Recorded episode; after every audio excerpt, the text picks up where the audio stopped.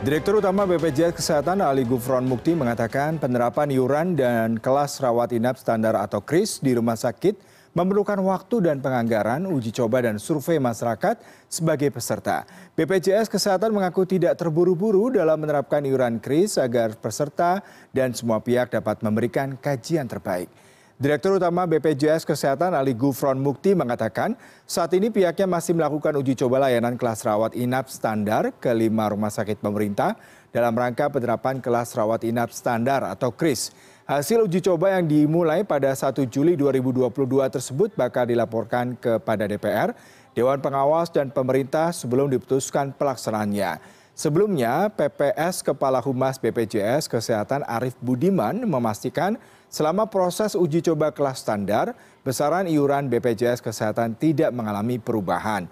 Besaran iuran peserta kelas 3 sebesar Rp35.000, kelas 2 sebesar Rp100.000 dan kelas 1 sebesar Rp150.000 per bulan. KDK Gankris itu terus di kemarin dibahas di RDP untuk terus diproses ya diproses untuk rapat-rapat kembali dan kemudian kita uji coba di lima rumah sakit nanti hasilnya diusulkan hasilnya dilaporkan ke DPR untuk kemudian diperlihatkan lagi gitu. BPJS Kesehatan mencatat pada akhir tahun 2021 aset neto dana jaminan sosial kesehatan tercatat sebesar 38,7 triliun rupiah. Aset dana tersebut mencapai surplus pertama kali setelah 8 tahun memberikan layanan jaminan kesehatan kepada masyarakat Indonesia.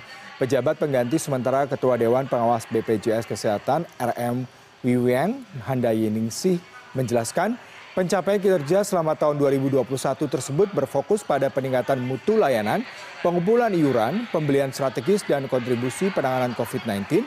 Surplus aset neto sebesar 38,7 triliun rupiah tersebut masuk kategori sehat dan memenuhi estimasi 5,15 bulan pembayaran klaim ke depan. Tidak hanya itu, di tahun 2021 BPJS Kesehatan dipercaya untuk melakukan uh, verifikasi klaim uh, COVID dan penjaminan KIPI atau kejadian ikutan pasca uh, imunisasi.